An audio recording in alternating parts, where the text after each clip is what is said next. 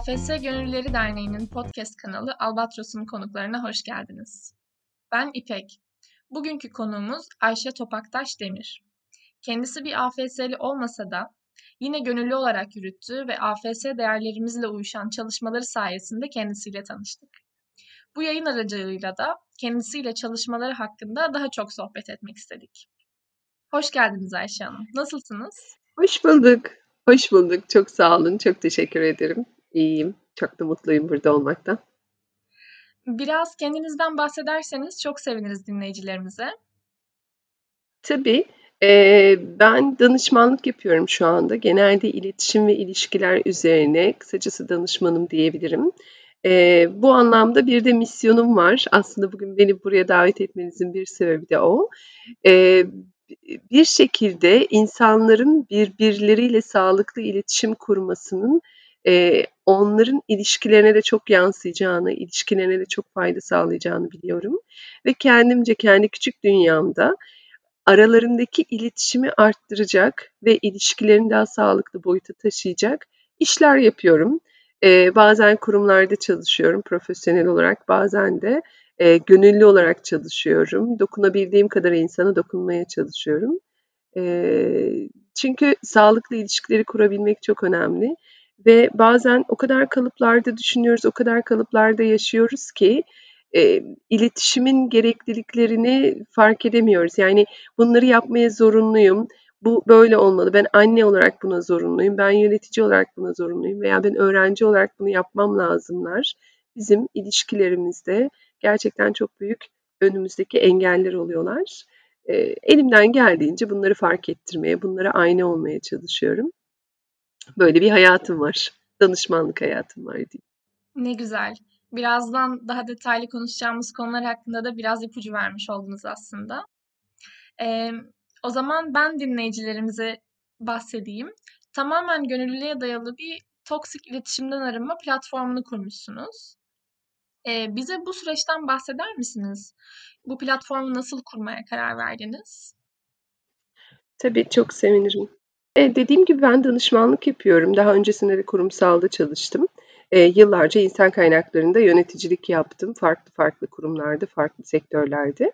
Eee, pandemiyle birlikte de bu danışmanlık işimiz tabii ki biraz, eee, engellendi. Çünkü sınıf eğitimlerine bildiğiniz gibi insanların bir arada olması yasaklandığı için bizim sınıf eğitimlerimize zor duruma düştü. E, neler yapabilirim, neler yapabilirim, e, online'da bir şeyler yapalım falan derken aklıma toksik iletişimle ilgili ücretsiz eğitimler vermek geldi. Çünkü yıllarca ben de toksik iletişime biraz maruz kaldım, biraz ben de toksik iletişimi yarattım derken toksik iletişim aslında benim hep içinde böyle girdabında yüzdüğüm, girdabından çıktığım, bir şeyler öğrendiğim, sonra yeniden girdabına düştüm bir konuydu. E, 2004'ten bu yana farklı konularda eğitimler alıyorum. Kendi kişisel yolculuğum 2004'te başladı diyebilirim. Psikodrama, gestalt, işte transaksiyonel analiz, mindfulness gibi birçok farklı bakış açısında teoride eğitimler alırken de bu toksik iletişim girdabından her seferinde çıkmayı öğrendim. Ve dedim ki insanlara bendeki hani benim kabımdan taşanları belki paylaşabilirim. Belki almak isteyenler olur. E, bu bana nasıl fayda sağlar? Tabii ki kazan kazan prensibi olunca aslında biraz daha işler yürüyor. E, bu da bana online'da eğitmenliğimi pekiştirmek anlamında fayda sağlar dedim. Nisan ayında hiç unutmuyorum 6 Nisan'da işte arkadaşlarıma dedim ki ben böyle bir şeyler anlatsam gelir misiniz? İlk başta 10 kişiydi. Şu anda herhalde 2000 kişiye yakın insana ben toksik iletişimden arınma konusunda ücretsiz eğitim verdim. Her hafta seminerlerim oldu. 2 saatlik, 3 saatlik eğitimler.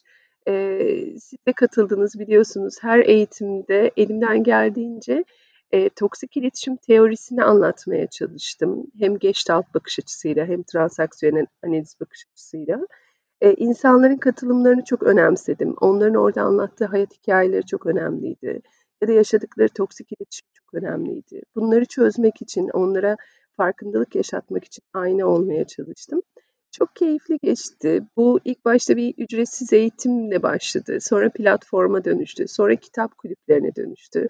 Sonra ücretsiz başka konuklarımın e, seminer verdiği platformlar oluşturduk derken e, benim gibi hisseden, benim gibi yaşayan ya da benim gibi yaşayan insanların e, desteğine ihtiyaç duyan o kadar çok insanla tanıştık ki hiç tanımadığım insanlar bana yardımcı olmaya başladılar. Yani platformuna şöyle destek olsak ya da hiç tanımadığım insanlar o kadar zor günümde bu seminerleri duydum, gördüm, o kadar iyi geldi ki diye mesajlar attı. İnanılmaz bir motivasyon, inanılmaz bir enerji. Siz verdikçe dünya evrende size veriyor. Ee, siz daha çok verdikçe evren size daha çok veriyor. İnanılmaz şeyler öğrendim Nisan ayından bu yana. Ee, ve çok keyifliydi. Bu yolculuğum devam ediyor. Çok daha farklı kanallardan insanlara ulaşmaya çalışıyoruz. E, artık tek başıma da değilim. Birçok arkadaşım var yanımda. Onlar da benim gibi eğitimlere yavaş yavaş başlıyorlar. Onlar da eğitimler verecekler. Onlar da daha çok insana dokunacaklar. Bunları görmek çok büyüleyici. Yani daha bir yıl olmadı ama çok büyüleyici bir ortamdayız diyebilirim. Ne güzel. Ee, gerçekten ben de eğitiminize katılmış biri olarak paylaştıklarınızı dinleyince çok heyecanlandım. Etkisinin ne kadar da büyük olduğunu gördüm aslında bir bakıma. Ee, siz 2004 yılında başladığınızdan bahsettiniz. Hem evet. toksik iletişim nedir? Tüm dinleyenlerimizin kafasında daha iyi oturması için biraz bahsedebilirseniz. Hem de sizin ilk farkındalığınız bu konuya dair nasıl oluştu? Ondan bahsedebilirseniz çok seviniriz. Çünkü e, biliyorum ki sizin de bir yurt dışında yaşama ve farklı kültürlerle entegre olma deneyiminiz var. Bu sürecin etkisi nasıl oldu sizin toksik iletişimle tanışmanızda? Etkisi çok büyük oldu. Yani çok eskilere gittik şimdi İpek ama şöyle ben 2001 yılında İngiltere'ye gittim. Eee, au pair olarak gitmiştim, çocuk bakıcısı olarak ve giderken de 28 yaşındaydım. Çok kalıplarım vardı aslında. Bildiğiniz Anadolu kızı, işte, hani, ayıptır evladım, günahtır evladım, onu öyle yapma, başkalarına saygılı ol'larla büyüdüm. Tabii ki içinde bambaşka bir Ayşe varmış ama onu ben İngiltere'de buldum o Ayşe'yle. Ben İngiltere'de buluştum diyebilirim. Yoksa buradayken aman sesini çıkarma, aman işte etrafındakiler mutlu olsun eee, ya da bildiğiniz işte Türk kültür motifleriyle büyüdüm diyebilirim. Bunlar kötü değil ama dünyayı anlamak için ya da daha farklı neler varmış, benim konfor alanımın, kalıbımın dışında neler varmış bunu görmek için yurt dışı çok bambaşka bir deneyimdi. O yüzden etrafımdaki herkese tavsiye ettiğim bir şey. Sadece yabancı dili öğrenmek için değil, kültür öğrenmek için de mutlaka gidilmesi gerektiğini düşünüyorum. İngiltere'de şunu öğrendim. Ee, başka bir dünya var. Yani dünya sadece Türkiye'den oluşmuyormuş. Dünya sadece Müslümanlıktan, e, ne bileyim işte bizim yemeklerimizden, bizim merhabalaşmamızdan oluşmuyormuş. Orada beni en çok şaşırtan şeylerden birisi insanlar ajanda tutuyorlardı ve birbirlerine hani e, konuk olarak gelecekleri zaman ajandalar üzerinden konuşuyorlardı. Çok ayıplamıştım. Nasıl yani dedim insan kızının evine gelirken haber mi verir diye. Ama sonra şunu fark ettim. Biz Türkler böyle misafiri çok seviyoruz diyoruz ama sonra arkasından acayip dedikodular yapıyoruz. Af gene geldiler, gene yordular falan. Şimdi bunları o kadar çok şey deneyimledim ki orada. Tabii ki bir ailenin yanında yaşayınca e, eş olmayı, aile olmayı da bambaşka şekilde deneyimliyorsunuz. O zaman Türk kültüründen de almak istediklerimi aldım. İngiliz kültüründen de almak istediklerimi aldım. Şunu söyleyebilirim, bugünkü evlilik hayatımın bu kadar sağlıklı yürümesinin en büyük sebeplerinden biridir. Orada iki yıl boyunca farklı bir aileyle yaşamak. Sık iletişim aslında buzdağının görünen yüzü toksik iletişim teorisinde John Gottman e, Amerikalı bir aile terapistidir, ilişki terapistidir. Eşiyle birlikte, Julie Gottman'la birlikte kurdukları enstitüde 30 yıldır faaliyet gösteriyorlar. İlişkileri ve ailelere terapistlik yapıyorlar. John Gottman'ın birçok kitabı var. Belki hani e, okumak isteyenler, merak edenler için iki tane kitabından bahsedebilirim. Birisi Evliliği Sürdürmenin Yedi İlkesi. Sadece evlilik olarak bakmayın, ilişkileri sürdürmenin yedi ilkesi aslında. Çok güzel e, maddelerden bahseder. Birlikte ilişki kurarken neleri sağlamalıyız? Bunlardan bahseder. Belki vaktimiz kalırsa derinlemesine de gireriz. E, bir diğer kitabı da duygusal zekası yüksek çocuklar yetiştirmek. Çocuğunuz olsa da olmasa da bu kitabı şiddetle tavsiye ederim. Çünkü kitapta duygusal koçluk üzerine konuşur. Yani duygulara koçluk yapmak üzerine konuşur. Eee, ruhu, ruhu şad olsun Doğan Cüceloğlu'nun hepimize bu topluma öğretmeye çalıştığı şey bizim içimizdeki çocuk. Hepimizin içinde küçük bir çocuk var. Biz o çocuğu büyütmeden dışarıyla yetişkin olmaya çalışıyoruz. Ya da o içimizdeki çocuğun ihtiyaçlarını görmeden dışarıda e, insanlarla iletişim kurmaya ya da çocuk yetiştirmeye çalışıyoruz. O içimizdeki çocuğu fark etmek, ona duygusal koçluk yapmak anlamında da çok derin ve çok pratikleri olan bir kitap. Mutlaka okumanızı tavsiye ederim. Çocuğu olanlar zaten yüzde yüz okusunlar. John Gottman şunu söyler toksik iletişim teorisinde. E, dört tane temel zehirli davranışı anlatır. Der ki suçlayıcılar, savunmacılar, alaycılar ve duvar örenler der e, zarar verir. Bu ilişki içerisinde zarar verir. Herhangi bir sonuca da ulaştırmaz. Herhangi bir katkısı da olmaz ilişkiye ve o ilişkiyi daha da aşağıya çeker. Ve bunlar mahşerin dört atlısı gibidir. Birisi gelirse o ilişkiye diğerleri de gelir. Yani siz birbirinizi suçlamaya başladığınızda mutlaka savunmaya da başlarsınız. Hani o vardı da ben mi yapamadım? Ben buna e, yapmak istedim de hani gibi böyle bahaneler üretmeye başlarız. Bahaneler üretmek kurban psikolojisidir ve bahaneler ürettiğiniz sürece de sonuca ulaştıracak alternatifleri, olasılıkları göremez olursunuz. Suçlayıcılar çok net zaten. Yani suçlandığınız yerde utanma psikolojisi devreye girer. Utandığınız yerde de savunmaya geçersiniz. E, o yüzden hani savunma bazen kendini ifade etme, kendini savunma gibi düşünülüyor. Savunma negatif bir kelime. Kendimi doğru düzgün nasıl ifade edebilirim diye bakarsanız o zaman toksik değil zaten o başka bir düzlem. Bir diğeri alaycılar devreye girer diyor üçüncü boyutta. Bu da kendini farklı bir şekilde göstermeye çalışanlar zekasıyla, güzelliğiyle, vizyonuyla, farklılığıyla ama bunu doğru düzgün ifade edemez ve alay etmeye başlar. E, ne diyelim ona? Kinayeli konuşanlar vardır ya o konuşmasıyla rahatsız olursunuz. Aslında küfür etmez, ağır bir şey söylemez ama söylediği şey size çok batar, çok rahatsız eder. Biraz bu insanlar, bu insanlar da ilişkiye çok bir e, yarar sağlamaz, fayda sağlamazlar. E, dördüncü aşaması bu ilişkinin e, savuna, e, pardon duvar örenler e, tamamen ilişkiyi kopartırlar. İlişkide hiçbir şekilde sizin sorularınıza, sizin temaslarınıza yanıt vermezler. Burada şunu söylemiyorum. E, duvar örmekten kastım hani araya biraz mesafe koymak. Bazen çünkü ilişkiler çok çıkmaza girebilir. Bazen duygular negatife dönebilir. O zaman biraz dinlenmek istersiniz. Kendi başınıza kalmak istersiniz. Bundan bahsetmiyorum. Bahsettiğim karşınızdaki kişi sizinle temas kurmak istediğinde günlerce o duvar örmeyi devam ettirmeniz, küskünlüğü devam ettirmeniz. Dolayısıyla bu dört tane zehirli davranışta çok fayda sağlamıyor ilişkiye ve bunlardan birisi varsa ilişkide diğer üçü de peşi sıra geliyor diyor John Gottman. Şimdi John Gottman teorisindeki bu dört temel davranış aslında buzdağının üstü, görünen kısmı. Buzdağının altında buna sebep veren bir sürü kök sebep var. Bu kök sebeplerden birisi de bilinçsiz ön yargılarımız. Belki de en güçlü olan bilinçsiz ön yargılarımız. Ön yargılarımız nelerdir? İşte ben din hakkında konuşmayı severim. Hani Müslümanlar iyidir, Hristiyanlar kötüdür. Yahudiler şöyledir, bunlar böyledir.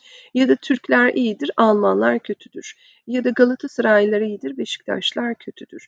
Ya da erkekler şöyledir, kadınlar böyledir. Çocukların aklı ermez, bilmem ne gibi böyle aklımızdan ürettiğimiz, varsayımlarda bulunduğumuz, e, toplumumuza dair, kültüre dair, değerlerimize dair kalıplaşmış düşünceler aslında bunlar. Şimdi biz farkında olmadan bu düşüncelerle hareket ediyoruz ve bizim zihnimizde tembelliği sever, varsayımları sever, otopilotta kalmayı sever, zihnimiz her an düşünmeyi sevmez. Bizim beynimizin derdi vücudumuza kan gitsin, bütün organlar normal çalışsın. Ee, bizim beynimizin derdi yeni düşünceler üretelim, yeni bir şeylere girelim, yeni e, yenilikler yaşayalım değildir aslında özünde temelinde. Dolayısıyla da o kendine en kısa yolu nereden buluyorsa o en kısa yoldan gitmek ister. Biz yeni bir düşünceyi, yeni bir alışkanlığı geliştirmekte hep zorlanırız. En temelindeki sebep budur. Ve buzdağının altında en büyük alanı kaplayan da bu. Birisi bilinçsiz ön yargılarımız, ikincisi kendi kalıplarımızdan çıkmamak, otopilotumuzdan çıkmamak. E ben oldum şimdi karşımdaki değişsin. Şimdi ben mi onu öğreteceğim? O gitsin kendisi öğrensin tarzında konuşmalarımız. Tabii bunun altındaki sebeplere bakarsak da aslında çocukluktan itibaren yetiştirilme tarzımız. Ee, geçen gün LinkedIn'de bir post paylaşmıştım. Ee, çok güzel e, Notle'nindi galiba. Notle e, pedagog ta 1975'lerde bir şey yazmış. E, çocukların yetiştirilmesi aslında bu buzdağının çok diplerinde ama en önemli kısım. Dolayısıyla biz nasıl yetiştirildiysek aslında bugün de onu yaşatıyoruz. Büyümüş çocuklar olarak bunu yaşatıyoruz. Ve nasıl yetiştirildiğimize dair Pedagog Nolte'nin bir şiirini paylaşmıştım. E, Nolte, Children Learn What They Live. Çocuklar ne yaşıyorsa ondan öğrenir adlı kitabından bir alıntı. Şöyle söylüyor, çok güzel bir şiir, çok da kısa. Eğer bir çocuk sürekli eleştirilmişse kınama ve ayıplamayı öğrenir. Eğer bir çocuk kin ortamında büyümüşse kavga etmeyi öğrenir. Eğer bir çocuk alay edilip aşağılanmışsa sıkılıp utanmayı öğrenir. Eğer bir çocuk sürekli utanç duygusuyla eğitilmişse kendini suçlamayı öğrenir. Eğer bir çocuk hoşgörüyle yetiştirilmişse sabırlı olmayı öğrenir. Desteklenip yüreklendirilmişse kendine güven duymayı öğrenir. Övünmüş ve beğenilmiş ise takdir etmeyi öğrenir. Hakkına saygı gösterilerek büyütülmüşse adil olmayı öğrenir. Güven ortamı içinde yetişmişse inançlı olmayı öğrenir. Kabul ve onay görmüşse kendini sevmeyi öğrenir. Eğer bir çocuk aile içinde dostluk ve arkadaşlık görmüşse bu dünyada mutlu olmayı öğrenir. Şimdi o kadar önemli ki bu buzdağının aslında en dibinde, en altında olan kısım bu. Biz çocuklarımıza nasıl eğitim veriyoruz? Ben burada ebeveynleri tabii ki eleştirmek değil derdim. Ben de ebeveynim. Benim de bir hazıra konduğum bir kızım var 14 yaşında. Bir de kendi yaptığım özel imalat dediğim hani e, kızım var. O da 9 yaşında. Şimdi hem e, kan bağımın, biyolojik bağımın olmadığı bir çocukla iletişimin nasıl olması gerektiğini ebeveyn olarak görüyorum. Hem de kendi kan bağımdan olan çocuğumla iletişimin nasıl olduğunu gözlemleme şansım var.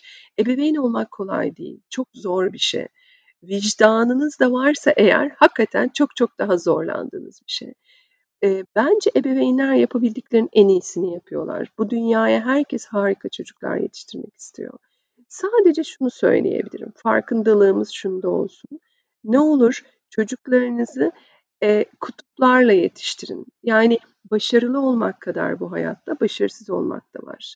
E, yalancılar kadar doğrucular da var. Dürüstler kadar dürüst olmayanlar da var. Veya nasıl söyleyelim?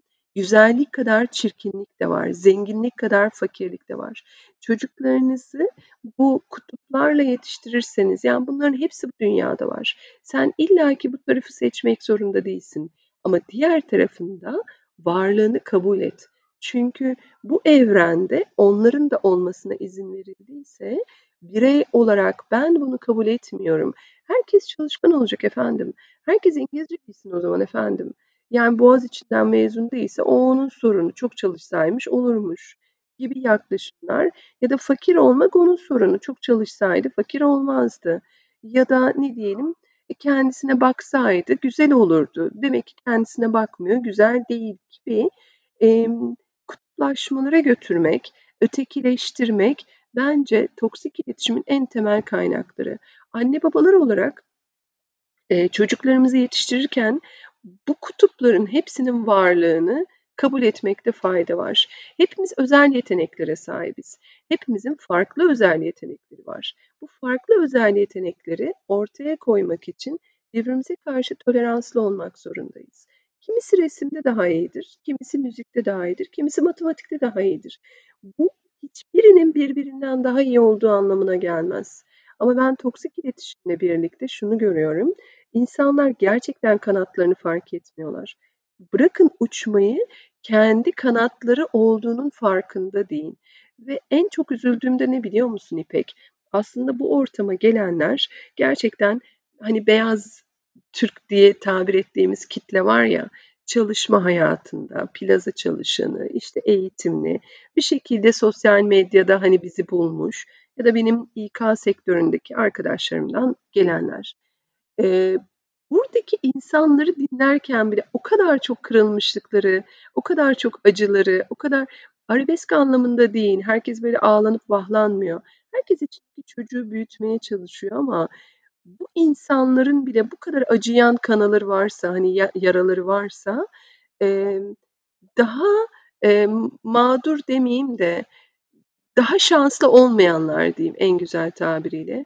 Daha şanslı olmayan insanların ne kadar çok acıları var. Ya biraz da bunları görmemiz gerektiğini düşünüyorum. Biz şanslı olanlar şanslı olmayanları desteklemekle sorumluyuz. Kızımla hep böyle tabii ki Kızım doğduktan sonra da ben de biraz e, geliştim, olgunlaştım. Benim gibi anneler de şimdi anlarlar beni. E, çocuğunuz olmasıyla birlikte dünyaya bakışınız da değişiyor. Vicdan katsayınız çok daha artıyor. E, o yüzden herkesin çocuk sahibi olsun olmasın bir çocuk şefkatiyle bürünmesini dilerim. E, bana dedi ki sokakta, anne dedi ya, onlar dedi bak anneleri yok, babaları yok, onlar sokak çocukları mı? Onlar nasıl? Kızıma diyemedim onların annesi babası yok diye. Ya sokağın köşesinde onları bekliyorlardır dedim. Sen merak etme. Sonra bana dedi ki anne ya dedi bizim bahçeli evimiz var ya dedi. O bahçeli evin bir köşesine onlara versek. Kendi evlerini yapsalar. işte kendilerine bir şeyler dikseler. O diktiklerini yeseler dedi. Ve bunu söylediğinde 5 yaşındaydı. Aslında çocuklar bu konuda o kadar bizden daha bilge ve bilgili ki biraz onları bıraksak dünyayı diyorum. Şimdi konuyu saptırmayayım, konuyu değiştirmeyeyim ama Biraz daha e, hep kızıma övdüm şudur. Anneciğim biz şanslı olanlardanız. O yüzden şanslı olmayanlara desteklemek bizim sorumluluğumuz. Bunu bilerek yetişsin. Ona acıyı vermeyelim tabii ki. Bak sen sokaktaki çocuklardan biri değilsin. Haddini bil, otur. İşte bak ne kadar şanslı bir çocuksun. Bunun değerini bil falan değil. Daha doğru bir iletişim kurmak. Onların bütün dünyadaki olasılıklara, bütün dünyadaki evet acılara, güzelliklere, her şeyi kabul etmesini sağlayarak büyütmenin çok daha iyi olacağına inanıyorum. Toksik iletişim gerçekten benim misyonum oldu. Eee, elimden geldiğince herkese dokunmaya çalışıyorum. Ne olur ötekileştirmeyin diyorum. Eee, kurumlara gittiğimde liderlere en büyük mesajım şu: Lütfen birleştiren lider olun. Ötekileştiren lider olmayın. Lider birleştirir. Lider onun veya bunun lideri değildir. Lider birleştirmeyi öğretir. Lider işi öğretmez. Lider birlikte yaşamayı öğretir. Birleştiren lider olun diyorum. Mesajım ne kadar ulaşıyorsa tabii ki. Bence mesaj gitmesi gereken yerlere çoktan gitti. Ee, çok güzel şeylerden bahsettiniz. Hepimizin e, günlük hayatında kurduğu iletişimde farkındalığını arttırması adına ve aynı zamanda e, toksik iletişimin aslında ayrımcı iletişimi de kapsadığını gördük. Bu da bizim AFS'deki çok önemli değerlerimizden bir tanesi. E, bu bağlamda sizin bahsettiğiniz konular hem dinleyicilerimizde hem de onların paylaşacağı kişilerde daha büyük farkındalıkları sağlamasını diliyorum ben de kendi adıma. E, peki Ayşe Hanım benim merak ettiğim bir şey var e, toksik iletişimden arınma eğitimlerini sağlıyorsunuz. Fakat eğitimin ardından biz bu süreci nasıl daha sürdürülebilir kılarız kendi adımızda ve nasıl içselleştirebiliriz? Bunu merak ediyorum. Şimdi John Gottman gene panzehirlerinden bahsediyor aslında bu dört tane temel davranışın. Dört tane temel davranışta diyor ki suçlayıcılar kendi performanslarını gösterme ihtiyacındadır. Onlara gitti ki tabii ki o negatif duygu efekti geçtikten sonra ben senin performans göstermene yardımcı olmak istiyorum. Ama bak gerçek kaynaklar bunlar. Bu gerçek kaynaklarda nasıl bir planlama yapabiliriz? Bunu konuşun diyor. Veya savunmacılara diyor gidin deyin ki bak sorumluluk alman gerekiyor. Sorumluluk almadan bu ilişkide ilerleyemeyiz. Onlara sorumluluk almayı öğretin. Ya da alaycılara gidin deyin ki farklı bir mesaj vermek istediğim farkındayım. Bu farklı mesajları ama doğru kanaldan verelim. Herkese fayda sağlayacak şekilde verelim. E, e, duvar örenlere de gidin deyin ki e, ben küstüğünün farkındayım ve onlara şefkatle yaklaşın, onlara samimiyetle yaklaşın. Ben senin bu buzdağlarını eritmene nasıl yardımcı olabilirim? Haklı haksız demeden ilk önce şu buzdağlarını bir eritelim. Sonra diğerlerini konuşmaya başlarız diyor. Özünde şunu diyor aslında John Gottman. Karşınızdakinin ihtiyaçlarını fark edin. Karşınızdakinin ihtiyaçlarını fark etmeden onlarla e, ne kadar ilişki kurarsanız kurun kendinizi savunmaya geçeceksiniz. Şimdi buradan diğer teoriye atlayalım. Diğer teori birisi Gestalt, birisi transaksiyonel analiz. Gestalt'ta diyor ki kendinle buluşmadan diğerleriyle buluşamazsın. Kendinle buluşmak ne demek? İlk önce ben kendi zeminimdeki ihtiyaçları fark edeceğim. İlk önce benim duygularım neler? Ben hangi duyguları yaşıyorum o süreç içerisinde? O duyguların arkasındaki beslenmemiş ihtiyaçlarım neler? Benim öfke duyduğum bir şeyde ben her zaman söylerim. Öfke duyduğunuz şey sizin olayınız.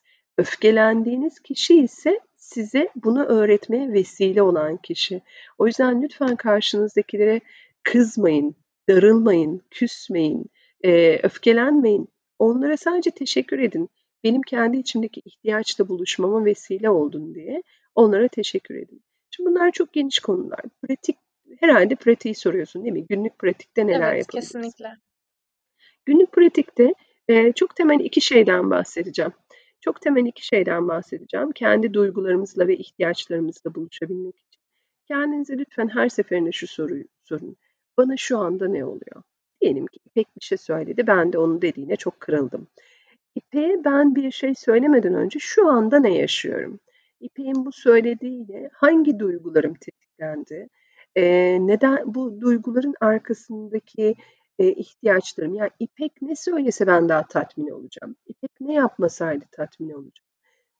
Biraz bunlara odaklanmakta fayda var. Birincisi ben ne yaşıyorum? Duygularımla, düşüncelerimle ve e, bedensel duyumsamalarımla. Başım ağrıyor, midem mi ağrıyor, bağırsaklarımda bir karışıklık mı oldu, elimde karıncalanma mı var, ne yaşıyorsam.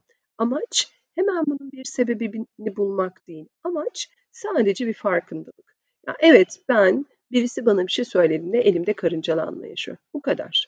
Çünkü burada o kadar böyle nasırlaşmış alanlarımız var ki yavaş yavaş o nasırları kaldırabilmek için yavaş yavaş oraya temas etmemiz gerekiyor. Hemen sebebini, aa işte o bana bunu dediği için ben bunu yaşıyormuşum değil. Sadece düşünsel, duygusal ve duyumsal olarak yani bedensel duyumsamalarla neler yaşadığınızı fark etmeye çalışın. Birincisi bu. İkincisi e, mindfulness'ta temel yetkinliklerden bahsederiz biz bilinçli farkındalıkta. E, en değerlisi şudur, varsaymayın. Ya İpek şimdi benden 20 yaş küçük ya, İpek bunu bu yüzden böyle söylüyordur demeden İpek bana bu soruyu sordun. E, ben burada kırıldım, gücendim veya şaşırdım. Ya ben arkasındaki sebebi merak ediyorum. Eminim bir açıklaman vardır. Ben bunu kızıma 4 yaşından beri söylüyorum. Eminim bir sebebi var bu söyler, söylediğinin. Arkasındaki sebep nedir dediğimde her seferinde beni şaşırtıyor. Hiç ummadığım bir cevap alıyorum. Sorun insanlara arkasındaki sebep ne ya da tam olarak neyi anlatmak istiyorsun? Tam olarak ne söylemiştin ben duyamadım, ben tam algılayamadım gibi kendinizden dolayı karşınızdakine e, varsaymadığınızı gösterin. Bir varsaymamak, iki kabul etmek. Biraz önce söylediğim gibi dünyada her şey var. Dünyada bu olanların olmasına veya olmamasına ben sebep değilim. Ama ben bir birey olarak bunların varlığını kabul ediyorum. Ben de yalancı olacağım demek değil bu. Ben de dürüst olmayacağım demek değil. Ama bu dünyada onlar varsa bir sebebi de vardır. Bir kabulle bakmak. Bundan bahsediyorum. Hak vermek değil, kabul etmek. Onun varlığını kabul etmek. Ee, varsaymamak, kabul etmek, şefkatle yaklaşmak. Önce kendimize sonra diğerlerine. Biz Türk toplumu olarak başkalarına şefkati çok seviyoruz. Ee, burada biraz da herhalde kahraman rolünü oynamayı seviyoruz yardım etmeyi seviyoruz ama ilk önce kendimize şefkat. İlk önce kendimize öz şefkat, sonra başkalarına şefkat. Bunlar da tabii ki daha derin konular ama lütfen varsaymayın. Lütfen kabul edin ve şefkatle, toleransla, yargılamadan, suçlamadan yaklaşın. Bunlar temel öğretiler. Pratiğe gelince kendi pratiklerinizi arttırmak için bir ajanda tutmanızı tercih ederim, tavsiye ederim daha doğrusu. En azından bir aylık süre boyunca e, hoşunuza giden anlar, hoşunuza gitmeyen anlar diye not alın bakalım. Gün içerisinde ne kadar hoşunuza giden anlar var, ne kadar hoşunuza gitmeyen anlar var. O kadar çok an var ki hoşunuza giden. Mesela musluğu açtınız, işte sıcak su akmaya başladı. Oh üşümüştüm, ne kadar güzel oldu dediğiniz an. Bu hoşa giden anlardan birisi. Ya da e, hiç beklemediğiniz anda bir arkadaşınızın size güzel bir gülüş atması, güzel bir şey söylemesi, bir merhaba demesi ve içiniz ısınır ya, o içinizi ısıtan anları bir fark edin. Bunları çoğunlukla fark etmiyoruz. Bunu da neden söylüyorum? Bunları fark etmek şükür duygumuzu da yükseltiyor. Biraz da şükretmeyi öğrenmek gerekiyor. Hoşumuza gitmeyen anları da fark edelim. Evet her andan hoşlanmıyorum. Ben de hala hoşlanmıyorum. Ee, ama o anda kalabilme kapasitemi arttırıyorum. İşte birisi bana bir şey söylediğinde hala böyle içimde o içimdeki çocuk yaralanıyor ya hala içim vuruluyor. Ama onunla kal, kalabilme kapasitemi arttırıyorum.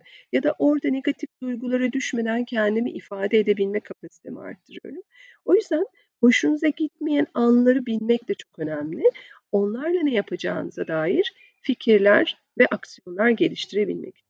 Ee, üç temel kategoride aslında önerilerde bulunduk size. Gelin bunu bir daha tekrar edelim.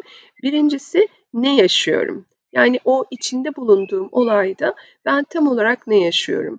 Duygularımla, düşüncelerimle, bedensel duyumsamalarımla ne yaşıyorum bunu fark etmek. İkincisi mindfulness, bilinçli farkındalık etkinlikleri dedik.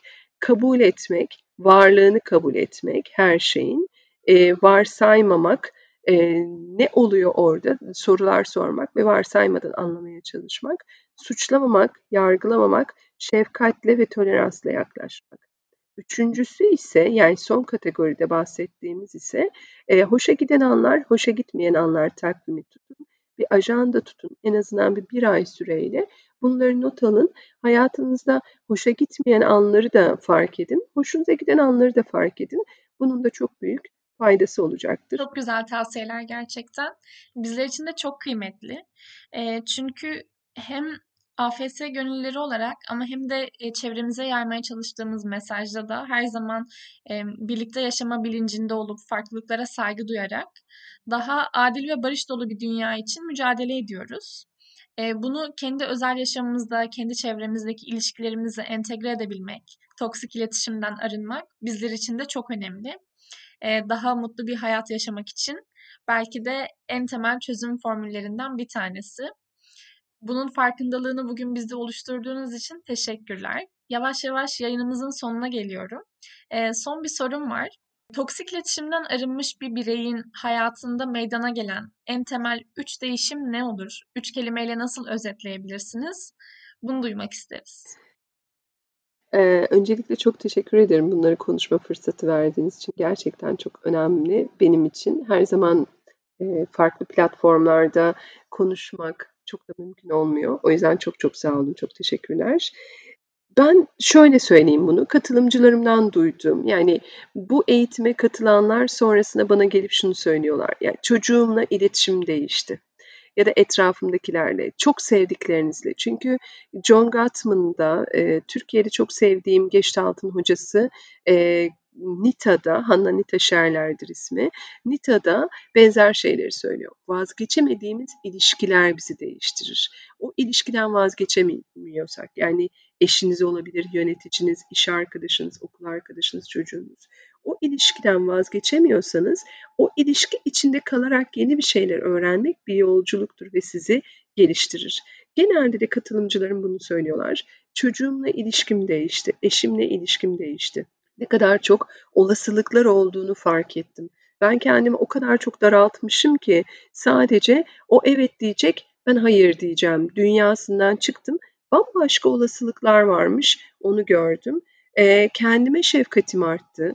Yani kendimi en başta sevmeye başladım. Kendimi fark etmeye başladım. Stresim azaldı diyenler var. Özellikle bir danışanım gelip söylemişti. Onunla biraz daha uzun konuşmuştuk.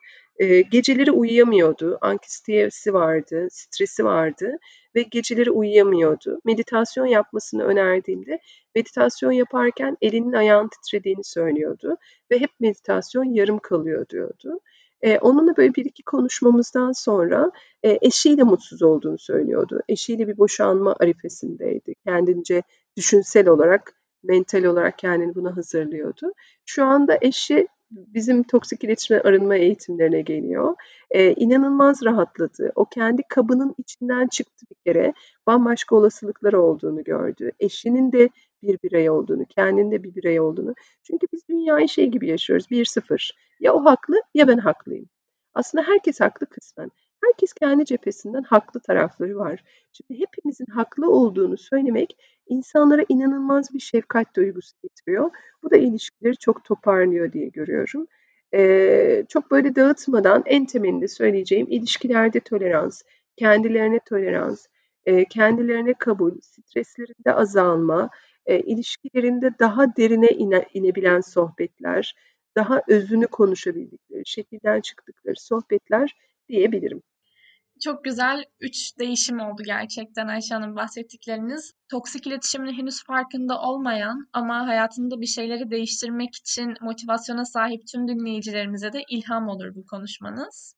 Ve sonraki süreçte e, bu konuya yoğunlaşarak kendileri de daha mutlu bir yaşama doğru yelkenleri açmaya devam ederler. Ben çok teşekkür ederim. Çok sağ olun. Çok değerliydi. Ee, burada alan açmanız çok değerliydi. Yer vermeniz çok değerliydi. O yüzden ben çok teşekkür ederim. Ee, ve ben de bizi dinleyenlere de teşekkür etmek istiyorum. Herkese buradan selamlarımızı ve sevgilerimizi iletiyoruz. Kendinize iyi bakın.